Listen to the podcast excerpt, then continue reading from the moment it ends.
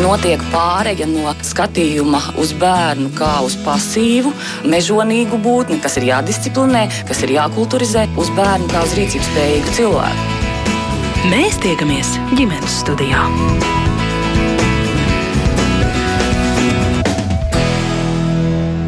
Labdien! Sākšu ar joku, kas izlasīts sociālajos tīklos. Tas ir teksta uzdevums īpaši atjautīgajiem. Proti, ja pirmajā karantīnā jūs atrodaties trīs dienas, un tad sāks otra karantīna, bet piektajā karantīna, bet piektā karantīna sāks desmitajā dienā kopš pirmās, cik karantīnas dienu jūs esat pavadījis trešās karantīnas ietvaros? Kaut arī joks, tomēr daudziem skolēniem un arī skolā strādājošajiem tā ir ikdiena, jo atrodoties ciešā saskarsmē ar ļoti daudziem, no kontaktpersonu status izvairīties faktiski nav iespējams. Skolās, protams, ir arī daudz ar covid inficēto, tāpēc kaut arī mācības joprojām norit klātienē, ļoti daudzi spiesti mācīties attālināti no mājām. Vai skolotāji spēja vienlaikus kvalitatīvi strādāt gan ar bērniem, kur ir klasē, gan arī ar tiem, kur mācās mājās? To es Mārcis Noteņu jautāšu Limbažu valsts ģimnāzijas izglītības metodiķei, arī izglītības zinātnes doktorantei Edītei Savar Sarvai. Labdien! Labdien! Labdien arī Tukumā Raiņa ģimnāzijas fizikas skolotājam Valdim Zuteram. Labdien. Un arī uzņēmuma lielvārds digitālās transformācijas projektu vadītājam Kristapam Auzānam. Sveicināti. Un eh, sveiciens arī izglītības kvalitātes valsts dienestu vadītājai Initai Juhņevičai. Labdien, Labdien arī jums! Tas ir, tā ir mūsu tāda ievada, īsa ievada saruna, un tāpēc gribu vienkārši noprecizēt to situāciju. Vai ir kāda skaidrība, kā tad šobrīd ir skolās, cik mācās skolā, klātienē, cik attālināti? Jāteic, ka pēdējo nedēļu laikā patiešām pieaug uh, to klašu skaits, kur, uh, kur bērni mācās uh, attālināti. Un man diemžēl vēl nav apkopoti dati par pagājušo nedēļu, bet pagājušās pirmdienas apkopotie dati rāda, ka piektā daļa pamatizglītības klašu mācās attālināti. Tātad visa klase mācās attālināti. Savukārt tie bērni, kuri ir karantīnā, eh, protams, eh, neatrodas izglītības iestādē, bet ir iespēja, ka tie bērni, kuri uh, nav bijuši kontaktpersonas, mācās klātienē. Un šeit jāsaka, ka uh, ir daudz mazāks uh, skaits uh, klašu, kur tikai daļa mācās attālināt. Nu, piemēram, pamatizglītības posmā uh, tie ir 3,5 procenti no visām uh, klasēm, kur tikai daļa mācās attālināti. Vēl gan jāteic, pieaug arī to skolu skaits, kur visā skolā mācības tiek noteikts attālināti. Un dati uz iepriekšējo pirmdienu rāda, ka tādas ir bijušas 22 izglītības iestādes. Līdz šīs dienas beigām mēs nāksim klajā arī ar jaunākajiem datiem, bet jāteic, ka provizoriski mēs redzam, ka pieaug to klašu komplektu skaits, kuri mācās tikai attālināti, savukārt samazinās uh, to uh, klašu komplektu skaits, kur daļa mācās klātienē, daļa attālināti. Bet lūgums vēlreiz precizēt, tātad, ja ir kontaktpersonas status, drīkst, drīkst iet uz skolu vai nedrīkst?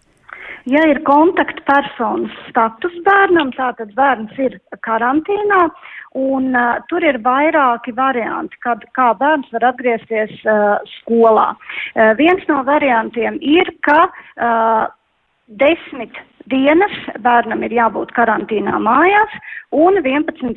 dienā bērns var uh, atgriezties klātienē izglītības iestādē. Šis gan ir par tiem bērniem, kuri ir vakcinējušies. Savukārt nevakcinētie var atgriezties pēc 14 dienām.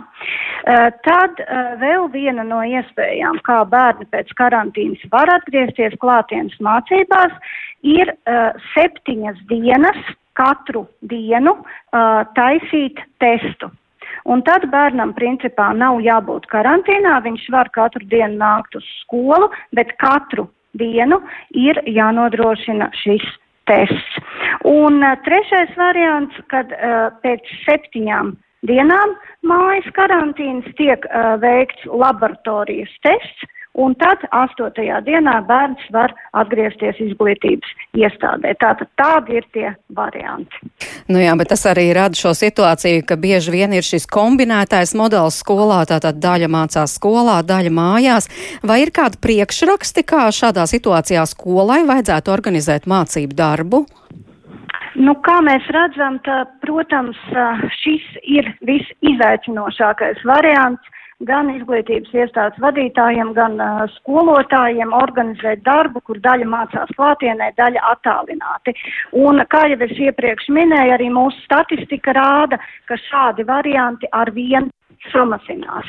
Tātad skolas pieņem lēmumus tomēr visu klasi laist uh, attālinātajās mācībās, uh, tādējādi nodrošinot uh, kvalitatīvāku mācību procesu. Uh, it sevišķi ņemot vērā, ka arī skolotāji slimo un arī skolotāji ir karantīnā. Eh, līdz ar to, eh, kas mūsuprāt šobrīd ir veiksmīgi, ka katra skola var pieņemt savu lēmumu atbilstoši konkrētai situācijai, un droši vien tas variants, ko es varētu ieteikt, ir uh, tieši tāds, ka katrā skolā tiek izvērtēta esošā situācija un uh, attiecīgi ņemot vērā to, cik daudz uh, bērni ir slimi vai arī atrodas karantīnā, tāpat ņemot vērā arī skolotāju pieejamību, katrs direktors saskaņojot ar pašvaldību var pieņemt attiecīgu lēmumu pār um,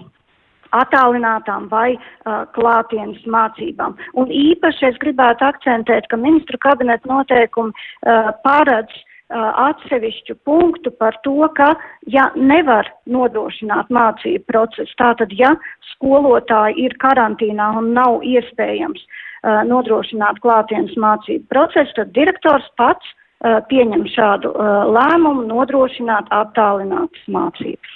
Jā, bet tomēr mēs šodien vairāk runāsim par šo kombinēto modeli, ka daļa skolēnu ir klasē, daļa ir attālināti, uh, bet skolotājiem kā vajadzētu organizēt uh, darbu? Tas ir katra skolotāja ziņā, skola izlēma, kā tam būtu jānotiek, vai ir arī kādi priekšraksti no augšas, tā teikt. Uh, Es esmu pārliecināta, ka šīs dienas raidījumā mēs noteikti dzirdēsim daudz labās prakses piemērus, kā skolas un skolotāji organizē šo darbu.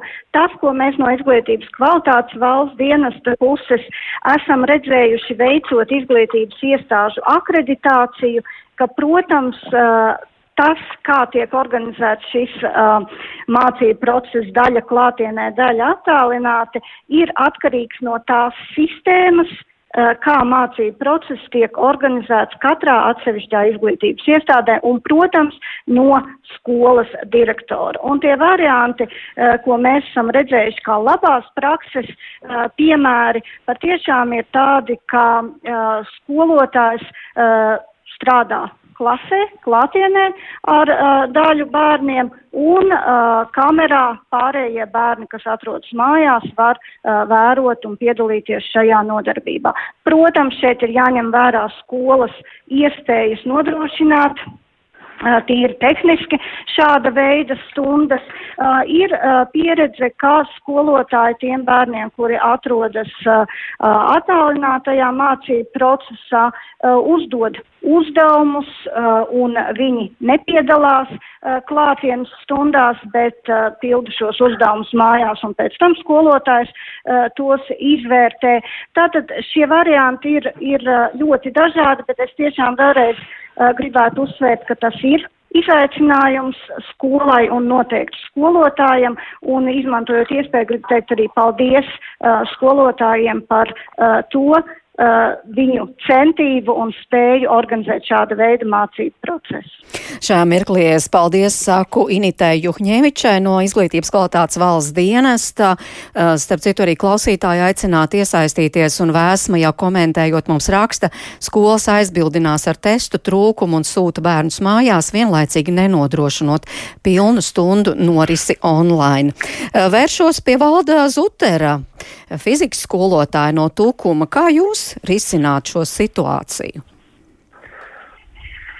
Jā, nu, es varbūt gribētu uzreiz piebilst, ka eh, bija šis jēdziens eh, labās prakses piemēri. Es vairāk tomēr to sauktu par labākās iespējamās prakses piemēriem, jo īstenībā no šādās situācijās, eh, nu, teikt godīgi, nu nav tādu labo prakses piemēru. Mēs varam izvilkt tos kaut kur epizodus no kaut kur un pateikt, ka tas ir labās prakses piemērs, bet katrai skolai situācija ir pavisam cita, ir nodrošinājums cits un ir skolotājiem pieredze dažādas, jā. Bet, bet kā mēs rīkojamies, nu, Eh, ja runā par to, kas ir jādara skolotājiem, tad, protams, ka mēs esam mācījušies eh, strādāt klātienē. Mums ir bijis, mēs ap, apguvuši to pirms sākās pandēmija, mēs to zinājām. Tad mums iedeva gadu attālināt, tad mēs pakolāmies par to un mēģinājām izdarīt labāko. Un tā ir mums nāk nākamais izaicinājums, jā, ka mēs arī, eh, teikt, mēģinām kombinēt. Un, un mēs Tukuma Raņu valsts gimnāzijā tad esam sapratuši, un es domāju, ka to arī ir sapratuši ļoti daudz skolotāju un skolas, ka uh, ka īstenībā tas kombinētais nu, īsti nestrādā. Jā, kad no tā tomēr mēs mēģinām maksimāli izvairīties, eh, tad vai nu eh, mēs eh, nu, mēģinām maksimāli šo klasu klātienē dabūt, vai nu, ja redz, ka tā saslimstība pieaug un, un ir dažādi apstākļi, mēs tomēr uh, sūtam visu klasi attālināti un nodrošinām, ja mums tomēr gada laikā, vai, nu, gada laika, nu jā, principā gada laikā attālinātais, mums tomēr ir uzkrājies tā bāze, lai varētu kvalitatīvi, nu, mēģināt nodrošināt to procesu, cik var attālināt. Ja? Jo tajā brīdī, kad sāk šis hibrīda režīms, uh, īstenībā nu, sāks ļoti daudz problēmu, tā skaitā arī ar, ar skolotājiem. Es varu arī ātri izstāstīt, ka pēdējā pusotra nedēļa, kas mums bija skolā, pagājušā nedēļa mums bija. Uh, nu, praktiski visa skola bija attālināta, bija pāris klases vidusskolā nedēļas sākumā no pamatskolas posmā. Un tad uh, uz nedēļas beigām visus aizsūtīja attālināti, un ar šo pirmdienu Eh, tātad eh, ar šodienu, tad eh, visi nāk apakai klātienē. Un kas notika, mums nobruka vairāk skolotāji.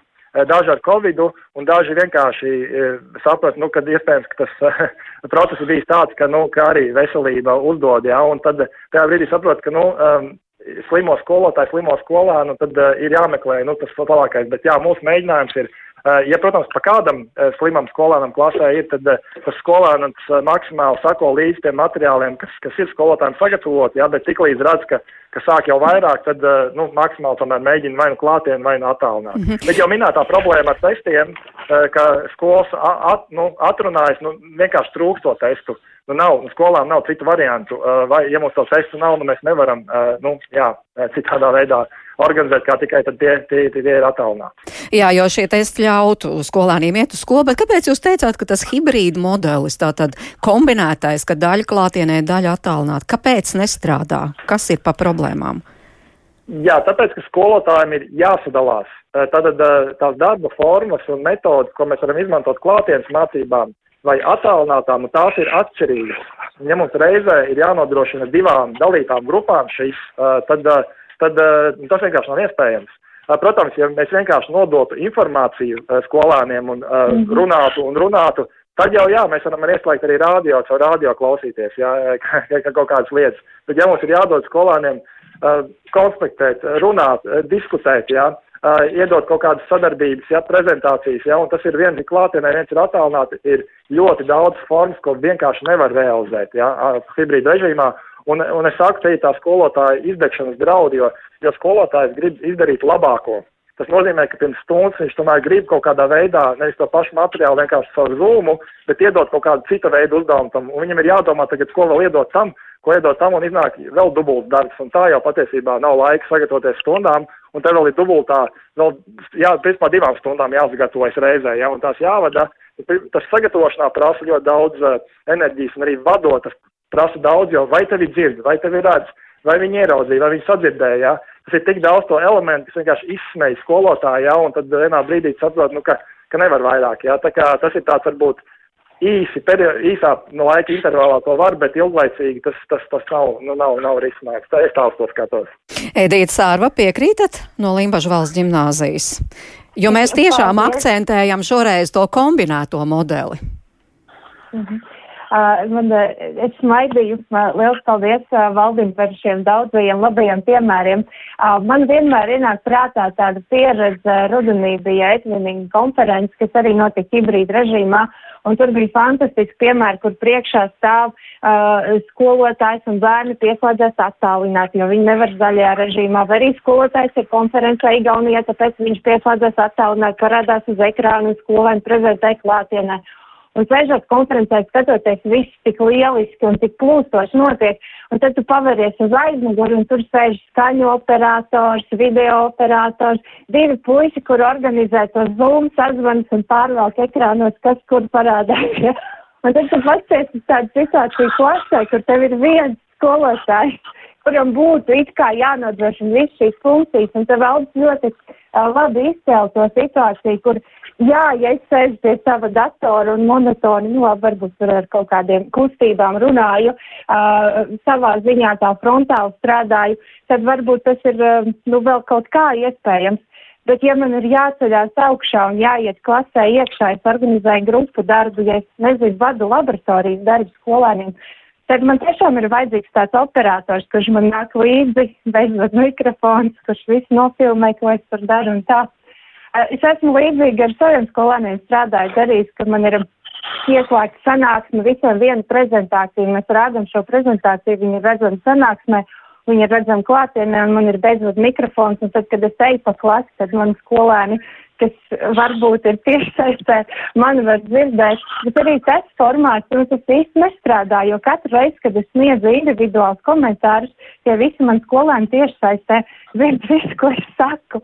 Nu, tā kā tas būtu tā kā, ka tev ir piesien skolotāji un tev visu laiku jāiet viņam līdzi. Un vēl, vēl gribu pieminēt tagad sociālos tīklos klejotā bilde, kur tā viena skolotāja mēģina vadīt hibrīdu mācīšanos ar vienu roku rakstu stāsteli, ar otru roku kaut ko rakstu datorā, ar kājas pirkstiem vēl planšetē un ar otru kāju vēl atbild telefonā. Nu, tad aptuveni tā sajūta tāda ir, nu cilvēks var sadalīties tikai tik daļās, cik viņš var sadalīties. Un skolotājiem vadot klātienes procesu jau ir pietiekami daudz aktivitātes, kurām ir jāpieslēdzas lai tām neliktu klāt vēl šo digitālo formātu un saturu, kas patiešām ir atšķirīgs un kur izmanto citas metodas un pieejas. Tā kā jā, tas ir tas, ko es uh, varu teikt.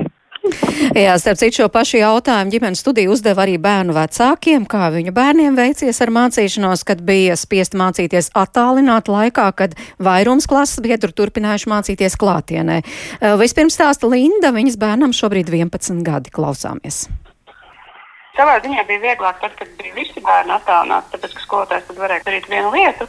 Šobrīd es viņus neapskaužu, tāpēc, kad ir jāsadalās divās daļās, un man liekas, ka tas uh, pie ļoti labas trenētības un ļoti labi tehnoloģiski nodrošinājumi tas nemaz nebūtu tik viegli, bet nu, šobrīd tas tehnoloģiskais nodrošinājums ir kāds ir, un skolotāja iniciatīva arī pašu apģērība un spēja salāgot lietas un kombinēt kaut ko, tas arī nosaka to, cik tas uh, saturs, ko tie mājās sēdētāji saņem, cik tas ir kvalitatīvs. Ir bijuši mūsu pieredzē gadījumi, kad uh, vairākas stundas uh, tiek rādīts uh, skats, un fonā kāds runā nepārāk dzirdami. Un tad tas labākais, ko es biju redzējis, bija, ka skolotāji vienkārši izstāsta klasē tēmu tiem bērniem, kas ir uz vietas, un pēc tam to pašu stāsta vēlreiz bērniem un rāda uz elektroniskās tālruņa, kur ir iespēja arī uzrakstīt kaut ko. Principā raksta visu vēlreiz. Nu, jā, sarežģīti. Un vēl kas ir šobrīd, kopš ir tas uh, it kā varbūtība mācīties arī klātienē, kaut kā ir pazudusi visu plānošana, kas bija tajā brīdī, kad bija visiem attālināti, tad skola izsūtīja tādus plānus, kur bija skaidri redzams visu nedēļas garumā, kad būs tās tiešsaistes stundas, kad būs kaut kāds patstāvīgais darbs. Un tad šobrīd ir tā, ka kaut kas parādās e-klasē, kaut kas neparādās, kaut kas uh, tiek izsūtīts WhatsApp chatā, kas ir bērniem, tad kaut kas ir pēkšņi tikai tajā MS Teams uh, platformā, kur viņiem norit šīs tiešsaistes mācības. Tur vienkārši parādās stundas, bet e-klasē par to nav informācijas. Kā, ja tu kaut ko no visiem tiem daudzajiem komunikācijas kanāliem palaid garām, nu, tad arī ir iespēja dabūt uh, NV vai nu, atziņu par to, ka tu stundā neesi bijis klāt. Šobrīd es domāju, ka principā, ja veselība atļauj, nav nekāda simptoma, nu, es esmu tikai par to, ka bērns iet klātienās skolu. Jo, nu, godīgi sakot, es vispār neticu tajai attālinātajai apmācībai, sevišķi mazākiem bērniem. Nu, pat piektā klasē tas nemaz tik vienkārši nav. Es domāju, ka eh, jābūt ļoti motivētam, lai šādā veidā mācītos. Un, ja tas jau ir trešo gadu, tad es priecājos, ja ir bērni, kas ar to tiek galā. Manējiem iet diezgan grūti ar to visu.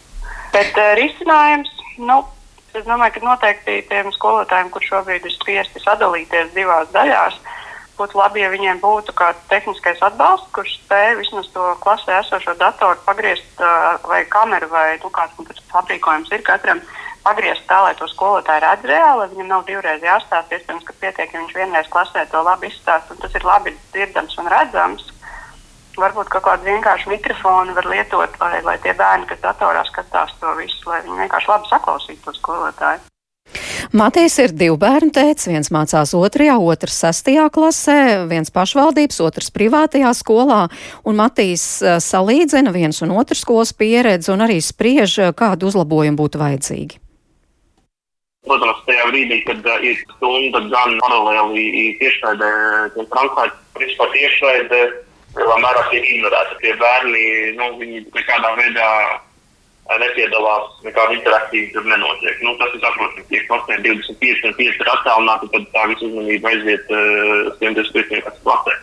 Tā kā otrs mūsu bērns, kurš ir privātā skolā, kur klase ir mazāka un jau tiek dalīta grupās, tad tur attiecīgi, protams, tā uzmanība, ko veltīt arī tiem, kas ir attālināti, ir lielāka. Bet arī, kas ir attālināti, piemēram, viņi vienmēr saņem novērtējumu par savu darbības stundā procentuāli, nu, kā viņi veids. Tā kā, nu, tur skolotājiem vismaz ir kaut kāda bijusi ar to, to, to bērnu interakciju, viņš ir kaut ko uz vienreiz viņam jautāja, tad viņam redzot, nu, tad vai viņš atbildēs vai neatbildēs, izējot no tā, nu, tad viņš novērtē viņa tajā konkrētajā stundā ar kaut kādu procentuālo vērtību.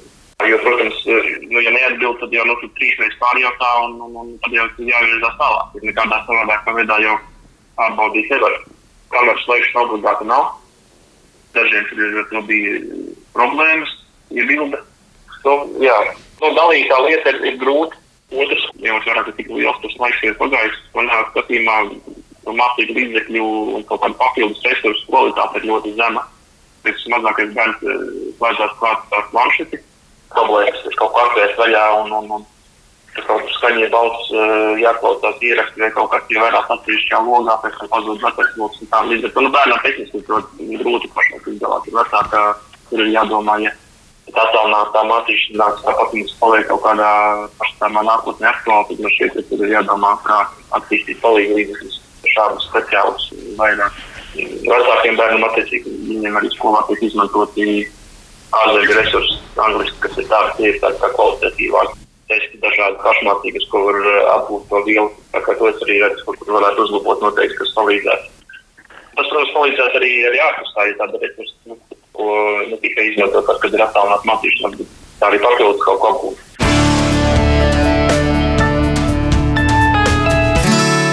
Nu, Tālāk stāstīja Matīs un Linda. Tā ir viņu bērnu pieredze, tā teikt, vērojot no malas, un, kā dzirdējāt, nu, nav arī pārāk pozitīvi. Tur um, reizēm tiešām bērniem jālūkojas nevis uz skolotāju vai uz tāfeli vai uz klases biedriem, bet attālināti jāskatās visu stundu skapi, un arī skolotāju nevar sadzirdēt. Uh, gribu jautāt Kristapam Auzānam, um, tātad no uzņēmuma Lielvārds, kas vispār bū, var būt par pamatu šādām ķibelēm? Nu, ir vairākas lietas. Man liekas, tā pirmā lieta, kas mums joprojām bieži vien ir tas, ka mēs joprojām uzskatām skolotājs kā zināšanu nesējs, kas dod tās zināšanas, bet tomēr, lai gaitā tā pedagoģa profesija vairāk transformējas uz procesu vadītāju, koordinātoru, uz to, ka zināšanas ir apkārt pasaulē, pieejams internetā un tā tālāk, un skolotājs vairāk koordinē, un ir ļoti grūti šādā modelī būt pa zināšanu nesēju, ka tev ir vienā virzienā, otrā virzienā, Tā pašā laikā, līdz ko tu esi koordinators un procesa vadītājs, tev ir, kā jau Edīta un valsts iezīmē, tev ir ļoti liela papildus slodze, um, kas ir jāizdara, lai to visu uzkoordinētu kā tādu, bet ja tam procesam iziet cauri un aizvadē mēnesī man sanāca diezgan daudz runāt ar um, skolu tīklu organizētājiem štatos un Lielbritānijā, kas jau no paša sākuma gatavojās, uh, ka Covid būs ilgstošs, un ka šī situācija ar hibrīdu varētu pienākt, būs tūkstoši jā, ja viņiem ir vienota ekosistēma, tā skolā strādā, kā viss tiek veidots, tad tas ir vieglāk izdarāms. Un mums, manuprāt, ļoti daudz iegādas tieši tas aspekts, ka mēs nepārtraukti dzīvojam tādā īstermiņa pagaidu risinājumu, ok, tas pēc pagaidu, pēc kā laicīgi pazudīs, pazudīs, bet tā nenotiek. Te pašā laikā, ja mēs varam to procesu koordinēt un organizēt tādā formātā, ka, jā, mēs uzdodam praktiskus uzdevumus, darbojamies, nerēķinamies ar to, ka skolotājiem tik daudz būs jā, jāprezentē, kas priekšā vienam vai otram, ka skolēnies to iegūst zināšanas ar procesu, tad problēmu ir mazliet mazāk. Protams, ieguldījums sagatavot uzdevumu ir lielāks. Nu, piemēram, piemēram, iedošu jums ideju, kā, kā varētu izklausīties iesaistīts process. Manuprāt, krietni labāk motivēts šāds teikums, ja stundu izskatos šādi, piemēram, jums saka, klausiet, variants A ir klausieties man stāstīt un pierakstiet, vai arī variants B jums līdz stundas beigām ir jāpēc šis darbs, ar ko jūs apgūsiet šādu saturu, un rezultāts būs automātiski. Un droši vien, ka tas otrais variants tādā hibrīda versijā strādā labāk un palīdz labāk iemācīties. Un vēl viena lieta, kas, ko es gribu piekomentēt šeit klāt, kas mēs neizskanējam, mēs ļoti daudz runājam par vajadzīgām tehnoloģijām, tas ir ārkārtīgi, ārkārtīgi svarīgi. Uh, bet tehnoloģijām vienmēr tās divas puses.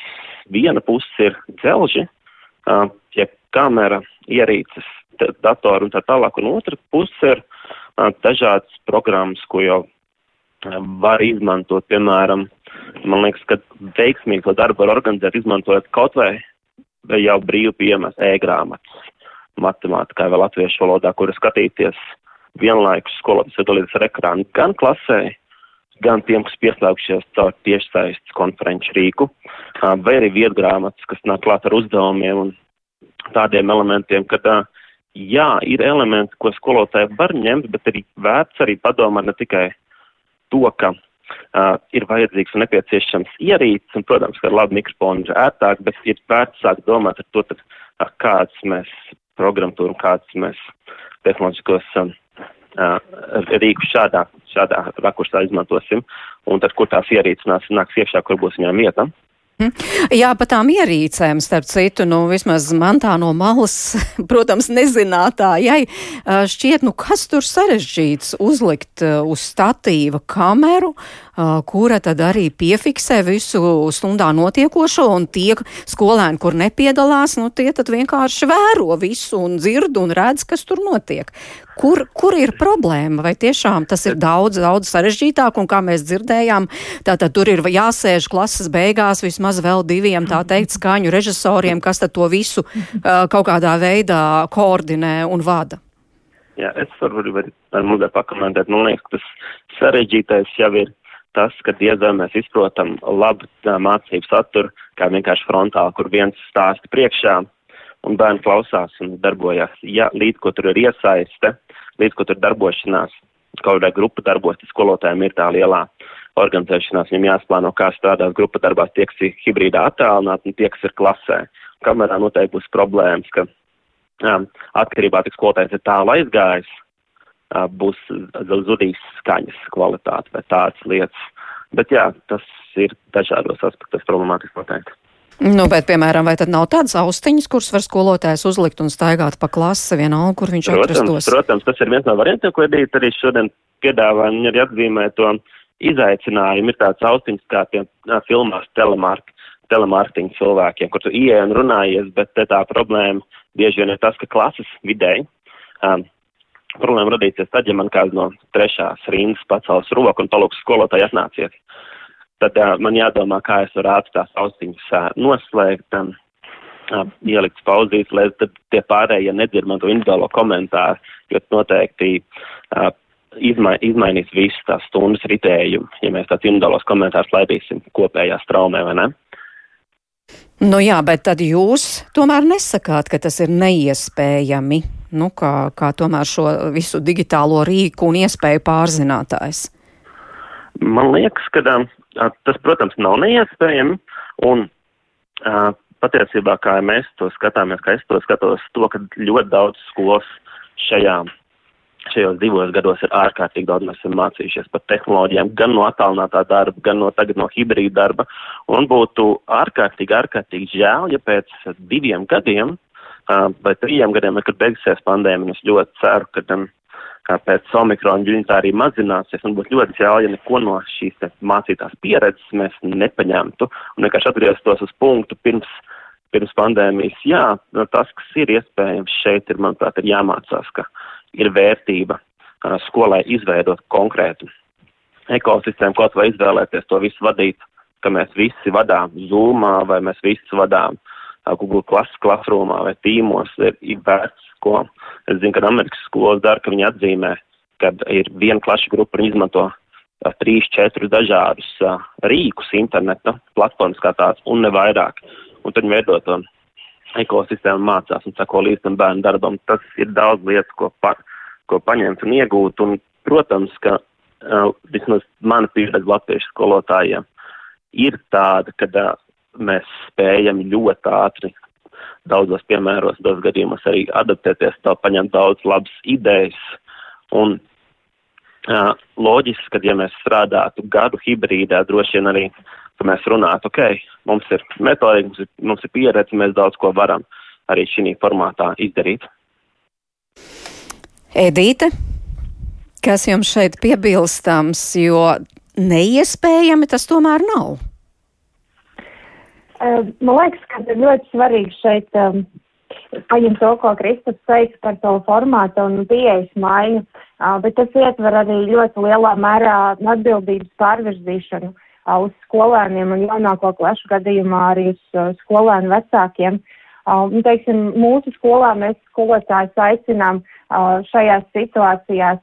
Mēs, arī, protams, izvērtējam situācijas, kur visi klasē ir attālināti, bet tur, kur ir daži bērni attālināti, mēs aicinām skolotājus pašus izvērtēt, kur ir gadījumi, kur viņi nosūta šos mācību materiālus, un tad skolēns pats savā laikā pieslēdzās izpildus, sūta skolotājiem saņem atgriezenisko saiti. Uh, kuras ir tās situācijas, kur skolotājiem ir aprīkojums un ir tā pārliecība, viņš var pieslēgt skolēnu sinhronu tajā pašā laikā sanāksmai mācību stundai un, un, un tad darīt to tā.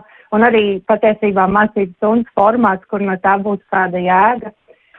Un, um, Un, attiecīgi, tajos, tajās situācijās, kur skolēnam ir jāstrādā patstāvīgi un ir jāstrādā mājās, nu, viņam tas ir jāizdara. Un, ja viņš pats netiek galā, tad viņam tas atbalsts ir vajadzīgs. Un man gribētos jau uzsvērt uh, to, ka mācīšanās jau patiesībā ir sociāls process. Un tajā brīdī, kad man ir vienam pašam jāsēž un caurām dienām visu laiku kaut kas jāmācās, un es pat nevaru ne ar vienu par to parunāt, nu tad paliek ātri, paliek ļoti sarežģīti to darīt. Un tāpēc situācijās, kur mēs zinām, ka tas skolēns nesatiek citus klases biedrus vai viņam nav uh, iespēja um, mācīties ar kādu kopā, tad tas, ka vecāks pieslēdzas vai vecākā māsa vai brālis, varbūt jaunākā māsa vai brālis, bet kāds ar viņu parunā par to mācīšanos, uh, pajautā, kā viņam iet, uh, varbūt uh, noskaidro, vai ir vajadzīgs kāds atbalsts vai pamudina viņu vērsties pie skolotāja. Pēc atbalsta ir ļoti svarīgi, jo um, Nu, pretējā gadījumā skolotājs pat var nezināt, ka ir kāda problēma, pirms jau ir par vēlu, pirms skolotājs jau ir atnācis un pateicis, ka es neko neizdarīju, jo man nevērās vaļā tur kaut kāda saita. Jā, tas ir ļoti, ļoti daudz par tādu atbildības uzņemšanos, un uh, līdz tam ir jāizaug.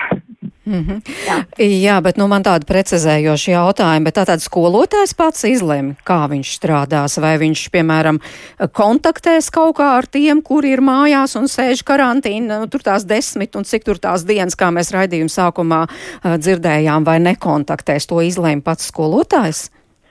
Ne, ne, ne, ne par to, vai kontaktēs vai nekontaktēs, bet par formātu, kādā skolēns pieslēdz šim mācību darbam, vai tie ir mācību tēmas un materiāli, kas skolēnam ir nosūtīti un zina, ar ko ir jāstrādā, vai tā ir uh, nodarbība uh, tiešsaistē, kurai skolotājs piedāvā skolēniem pieslēgties, vai vēl viens variants, ko nepieminējām, ir nodarbības ieraksts. Arī tāds variants pastāv, kurš skolēnam ir pieejams un ko viņš var noskatīties tajā brīdī, kad viņš to var noskatīties.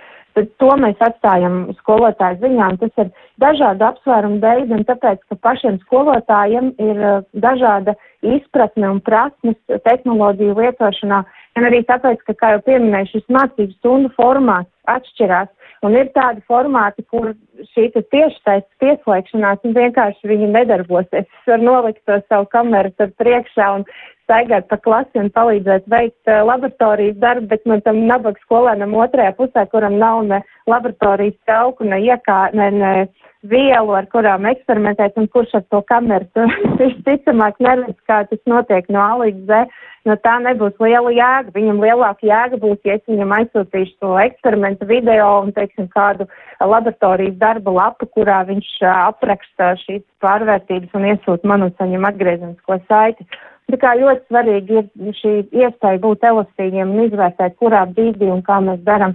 Un tāpat jau uh, arī pieminētā iespēja skolām pašām lemt, uh, kurā brīdī uh, mēs ejam attālināt un kurā brīdī mēs dalamies un strādājam šajā hibrīda formātā.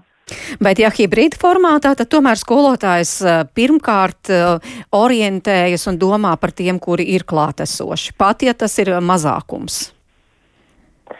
Nu, es teiktu, ka jā, noteikti jā, un šī ir arī abu vecāku minēto piemēru atšķirība no pilnībā attālināt mācību procesa, kur skolotājs faktiski domā par to, kā iesaistīt visus skolēnus šajā attālinātajā mācību procesā.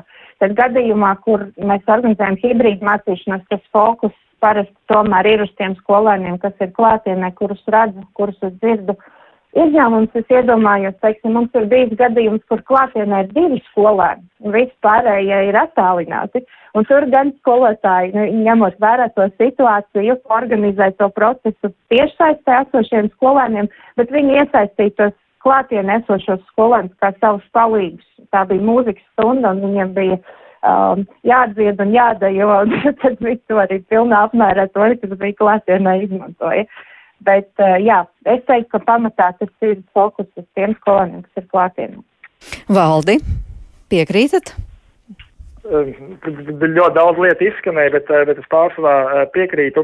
Es gribēju pakomentēt par šo iespējams, neiespējams. Nu, ja, ja man uzdot jautājumu vienkārši iespējams vai neiespējams, tad es no šī jautājuma izvairītos tā kā politiķis no jā, nē jautājumiem, jo politiķi nekad neatbild uz jā, nē jautājumiem. Tāpat arī es neatbildētu, jo Nu, ko nozīmē iespējams vai neiespējams? Tā jau saka, viss ir iespējams, tikai neiespējamais prasa vairāk laiku. Eh, bet es reiz arī pāris piemērus no savu priekšmetu no fizikas, uh, ja ir hibrīda režīms vai nu, attālinātais režīms. Jau, jau eh, pie, tikai pie, pieminēt šie laboratorijas darbi. Nu, protams, ka es varu nofilmēt video, un es to arī daru, un aizsūtīt, bet tā pieredze, ko skolēns iegūst klātienē, kaut ko pats jaucot, skatot, uh, vai kļūdoties, tā ir tā svarīgākā. Es eksperimentāls prasmes nu, nevaru attālināt, es varu tur datu apstrādi vai kaut kādu daļu no tā, bet, bet to es nevaru izdarīt.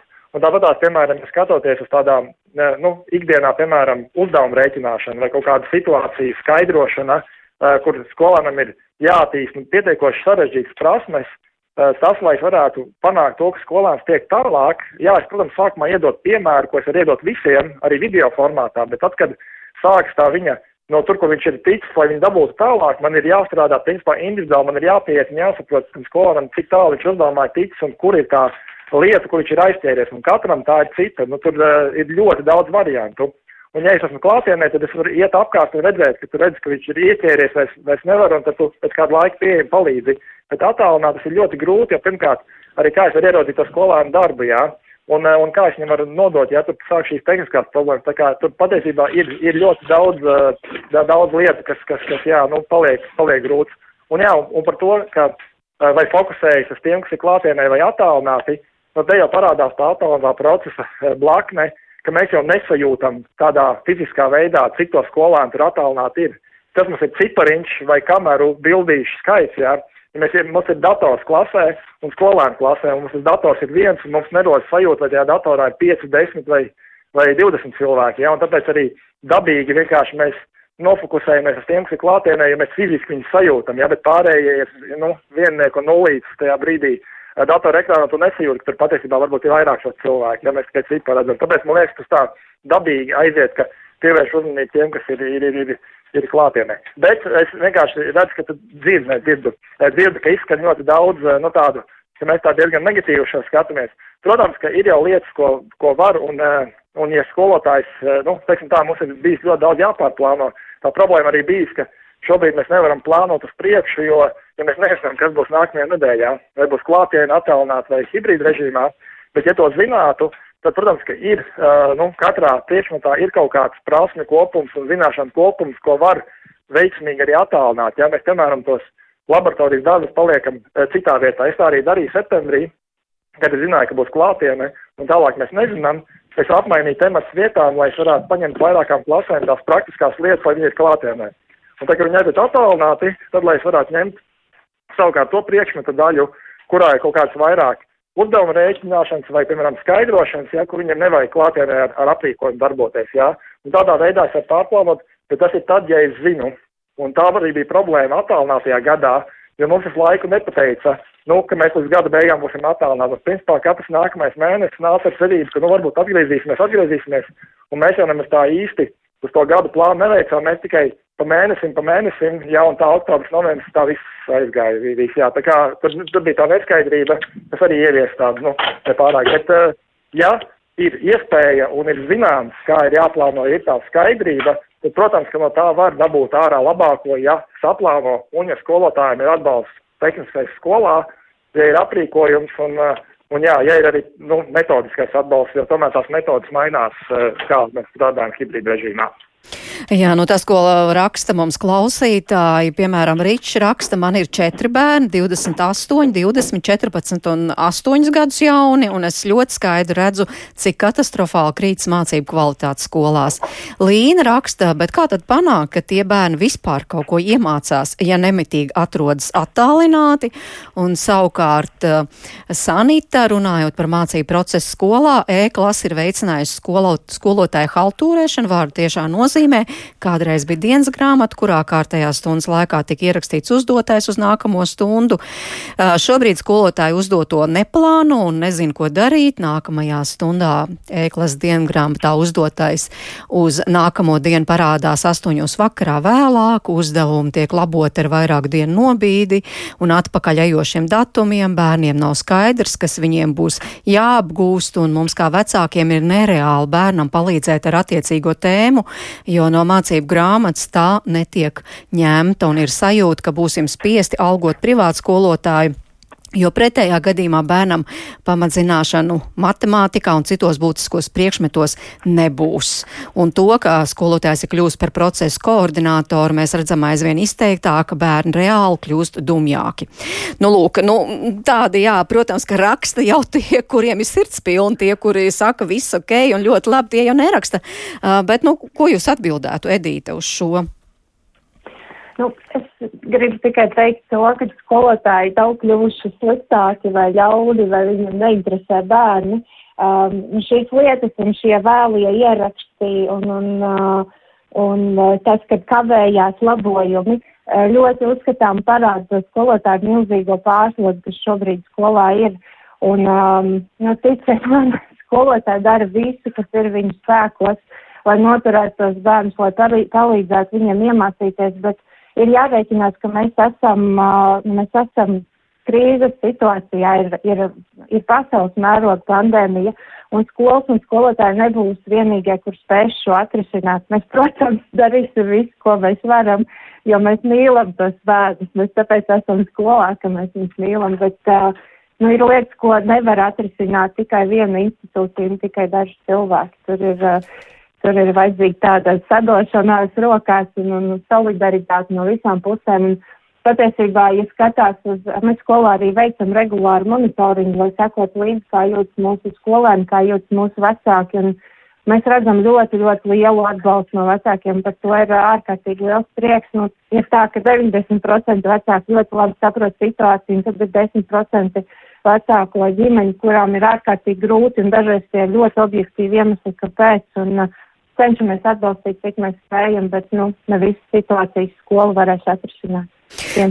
Protams, nevarēs, bet par to domāšanu uz priekšu tas gan, manuprāt, būtu svarīgi, jo pat ja mēs, kā mēs te optimistiski ieskicējām, ka var būt omikrons, un pēc tam jau tā pandēmija tā kā mazināsies, un mēs atgriezīsimies tomēr vairāk vai mazāk tādā normālā ikdienā arī skolā, tad tomēr šis attālinātais, vai tas šis hibrīda mod modelis katrā ziņā tomēr paliks, jo, ja domā, tad vienmēr būs bērni, kur slimos, varbūt pat ilgstošāk, kur nevar piedalīties un kuriem ir būtiski šīs būt klāt arī tad, kad tu reāli neesi klāt. Un pasaulē, starp citu, par to ļoti domā, nu, un, piemēram, viens tāds risinājums, par kur stāsta kolēģi no raidījuma digitālās brokastis, Ārtis Ozoliņš un Rihards Blese. Paklausāmies! Sveiciens ģimenes studijai no digitālajām brokastīm. Dzirdējām, kas runāsiet par izglītības tehnoloģijām, un šeit ir viena interesanta ziņa, ko stāstījām digitālo brokastu ziņu topā. Jā, Rihard, patiešām Joshua Martingeli ir septiņus gadus vecs zēns no Vācijas, kurš, diemžēl, veselības problēmu dēļ nevar klātienē apmeklēt skolu. Tām dēļ viņa vietā skolu apmeklē robots, ja precīzāk robota galva līdz krūškurvim, kas atrodas uz skolēna galda un tiešsaistē pārraida attēlu un skaņu. Ar gaismas signālu palīdzību šis robots parādīja skolotājiem, ka mazajam Džošī ir kāds jautājums. Citēju, bērni sarunājas ar viņu, smējās kopā ar viņu un pat dažkārt stundu laikā sačukstas. Džošī spēja ļoti labi miedarboties ar apkārtējiem, atklāja Ute Vitsenberga, piedeņa pamatskolas direktore Berlīnē. Šobrīd Berlīnē Rihards ir iegādāti četri šādi skolēnu avatar roboti, kas ir risinājums viņiem Covid-19 pandēmijas radīto izaicinājumu dēļ. Un skolēni dažkārt nespēja klātienē apmeklēt skolu, līdz ar to šis ir tāds kā aizstājējs tiem, kas nevar būt klātienē. Jā, nu pandēmija ir likusi mums meklēt dažna dažādus risinājumus. Un no vienas puses varētu izklausīties, ka šis ir kaut kas jauns, bet uh, es uh, pameklējot uh, YouTube, atradu vienu uh, līdzīgu video no 2012. gada, kur vienā no ASV skolām izmantoja robotu, kurš pat varēja pārvietoties pa skolas telpām. Nu, Tālāk mēs redzam, ka izglītības tehnoloģijas ienāk ne tikai mācību satura nodrošināšanā, bet arī šāda tīra mācību procesa organizēšanā.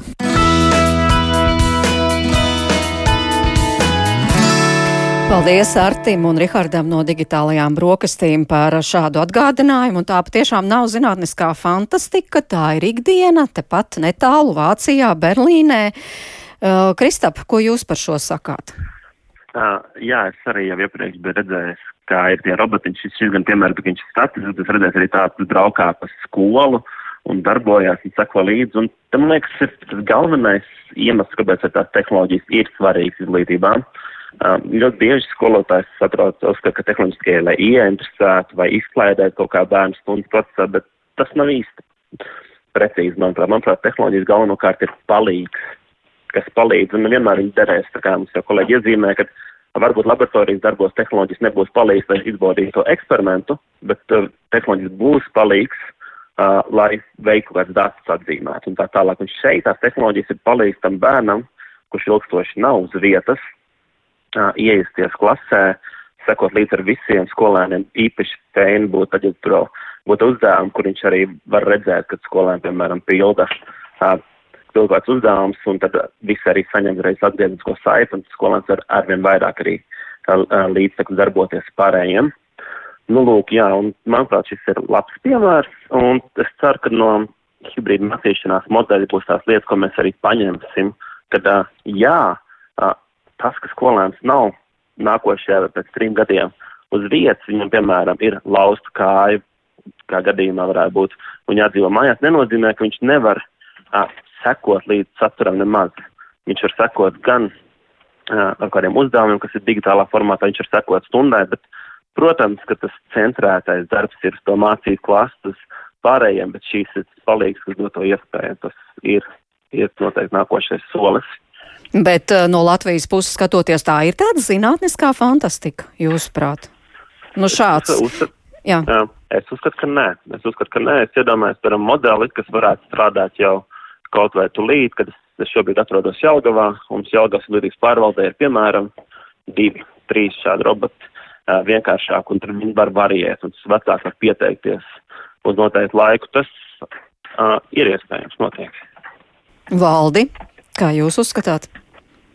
Nu, protams, zinātniskā fantastika tā nav, kā jau mēs redzējām, ir konkrēti piemēri, bet jāatzīst, ka šajā gadījumā es ieslēgtu netipiski sev tādu uh, pesimistu režīmu, jo Jo, nu, ko mēs runāsim par robotiem skolā? Vai mums visās skolās ir labi datori, labas kameras, labi mikrofoni nodrošināti un uh, grafiskās planšetes un pamatlietas, lai mēs jau varētu strādāt? Nu, nav. Ja mēs tagad runāsim par robotiem, kuri nezinu, cik tūkstoši miljonus maksā, mums vēl skolās nav nodrošināts kaut vai, lai skolas būtu, ventilācija skolās būtu, jā, mums vajag pamatlietas nodrošināt un tad zinātnisko fantastiku būvēt, kā nu izskatīsies, nu kādi roboti, jā, pēc laika būs, bet mums vajag pamatlietas, jo daudz var izdarīt ar to, kas mums jau ir. Kristaps jau arī minēja. Es arī teicu, to, ko es nepieminēju, es jau patiesībā hibrīdu režīmam gatavojos jau, es sāku skolā strādāt pirms deviņiem gadiem, jo arī šobrīd ir pieejama mūdulu vide, kas šobrīd arī tiek atjaunot skolu LV formātā, kur būs arī elektroniski vidi visiem pieejami. Ja? Es jau patiesībā materiālus liku jau tikai sāku jau strādāt jau, jau krietni laika apakaļ, uh, likt prezentācijas, kaut kādas darba lapas, saites uz šiem elektroniskajiem materiāliem, kas ir SOMLV vai māconis vai, vai kaut kādiem video, kas jau ir sataisīti. Daudz, kur ir kaut kas jau ir sataisīts, vai es uztaisīju tā, tā kā krātuli, jā. Man bija vieglāk attālināt procesu sākt tās lietas jau ir, mums nevajag skatīties uz vēl jaunākām tehnoloģijām, mums vajag attīstīt un dabūt, lai visās skolās, jā, vai, vai mazās skolās ir tās tehnoloģijas. Ja mēs skatāmies uz lielām skolām, uz valsts gimnāzijām un vēl kur ir tehnoloģija, daži vienkārši grīns tehnoloģijās, man ir tāda sajūta ar, ar dažiem cilvēkiem runājot, ne, ne ar šiem, kas šoreiz. Bet, bet ir skolas, kur, kur nav, nav pat elementāra fizikas aprīkojuma, jā, kur datori nav. Mums arī tagad ir jauns datoru iepirkums, jā, tie vecie. Man klasē vienu brīdi bija dators, kur jāgaida pusi stundu no rīta, kamēr viņš pilnībā iesilst, jā. Tā kā mums vajag dabūt labā līmenī pamatu un tad domāt par robotiem. Un tad varēsim jā, uh, laist arī robotus. Jā, nu valsts jau labi ieskicēja to realitāti, bet Edīti jums galvārds tomēr domājot par nākotni, varbūt to hibrīdu modeli nevajag nostumt maliņā un attīstīt, domājot par nākotni, arī tad, kad pandēmija, nu tā teikt, būs mazinājusies vai beigusies? Mm, es teiktu, ka hibrīda modelis nav tāda labākā lieta, ko attīstīt bet attālinātās mācīšanās. Un, un tas formāts gan varētu būt kaut kas, par ko varētu turpināt domāt. Um, biju uh, tādā ogres skolu organizētā konferencē, kur skolēni paši stāstīja par savu pieredzi mācoties attālināt, un tās lietas, ko viņi pieminēja, ārkārtīgi vērtīgas. Uh, iemācījos pa, patstāvīgi, pats vadīt savu darbu, pats plānot savu mācību dienu. Vienu skolnieci arī stāstīja, ka viņi sāka meklēt pēc šīs pieredzes arī iespējas mācīties starptautisku universitāšu organizētos kursos tiešsaistē. Un skatoties arī uz darba tirgu, ir skaidrs, ka uh, pēc pandēmijas visticamāk, ka lielāka daļa no šī darba notiks tiešsaistē. Tātad tas jau ir viens segments, kur mēs varam palīdzēt saviem skolēniem sagatavoties un darboties uh, arī pēc skolas. Un es nerunāju par tur gada garumā attālināto mācīšanos, bet, teiksim, tās dažas dienas mēnesī, kas skolām ir atļauts izvērtēt un izvēlēties, un šādu iespēju piedāvāt, manuprāt, būtu ārkārtīgi vērtīgs pienesums iespēja gan skolotājiem, gan skolēniem praktizēt jaunākās paldies. tehnoloģijas iespējas un mācīties.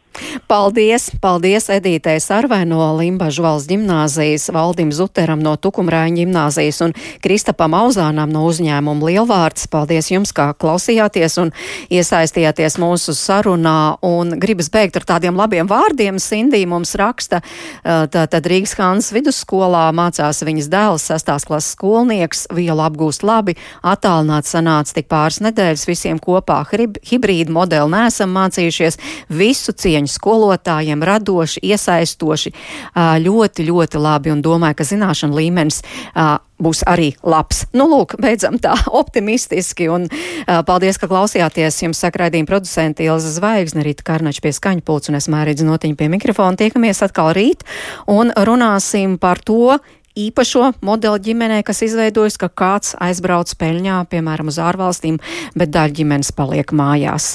Kā saglabāt gan tuvību, gan attiecības, par to tātad rīt tiekamies.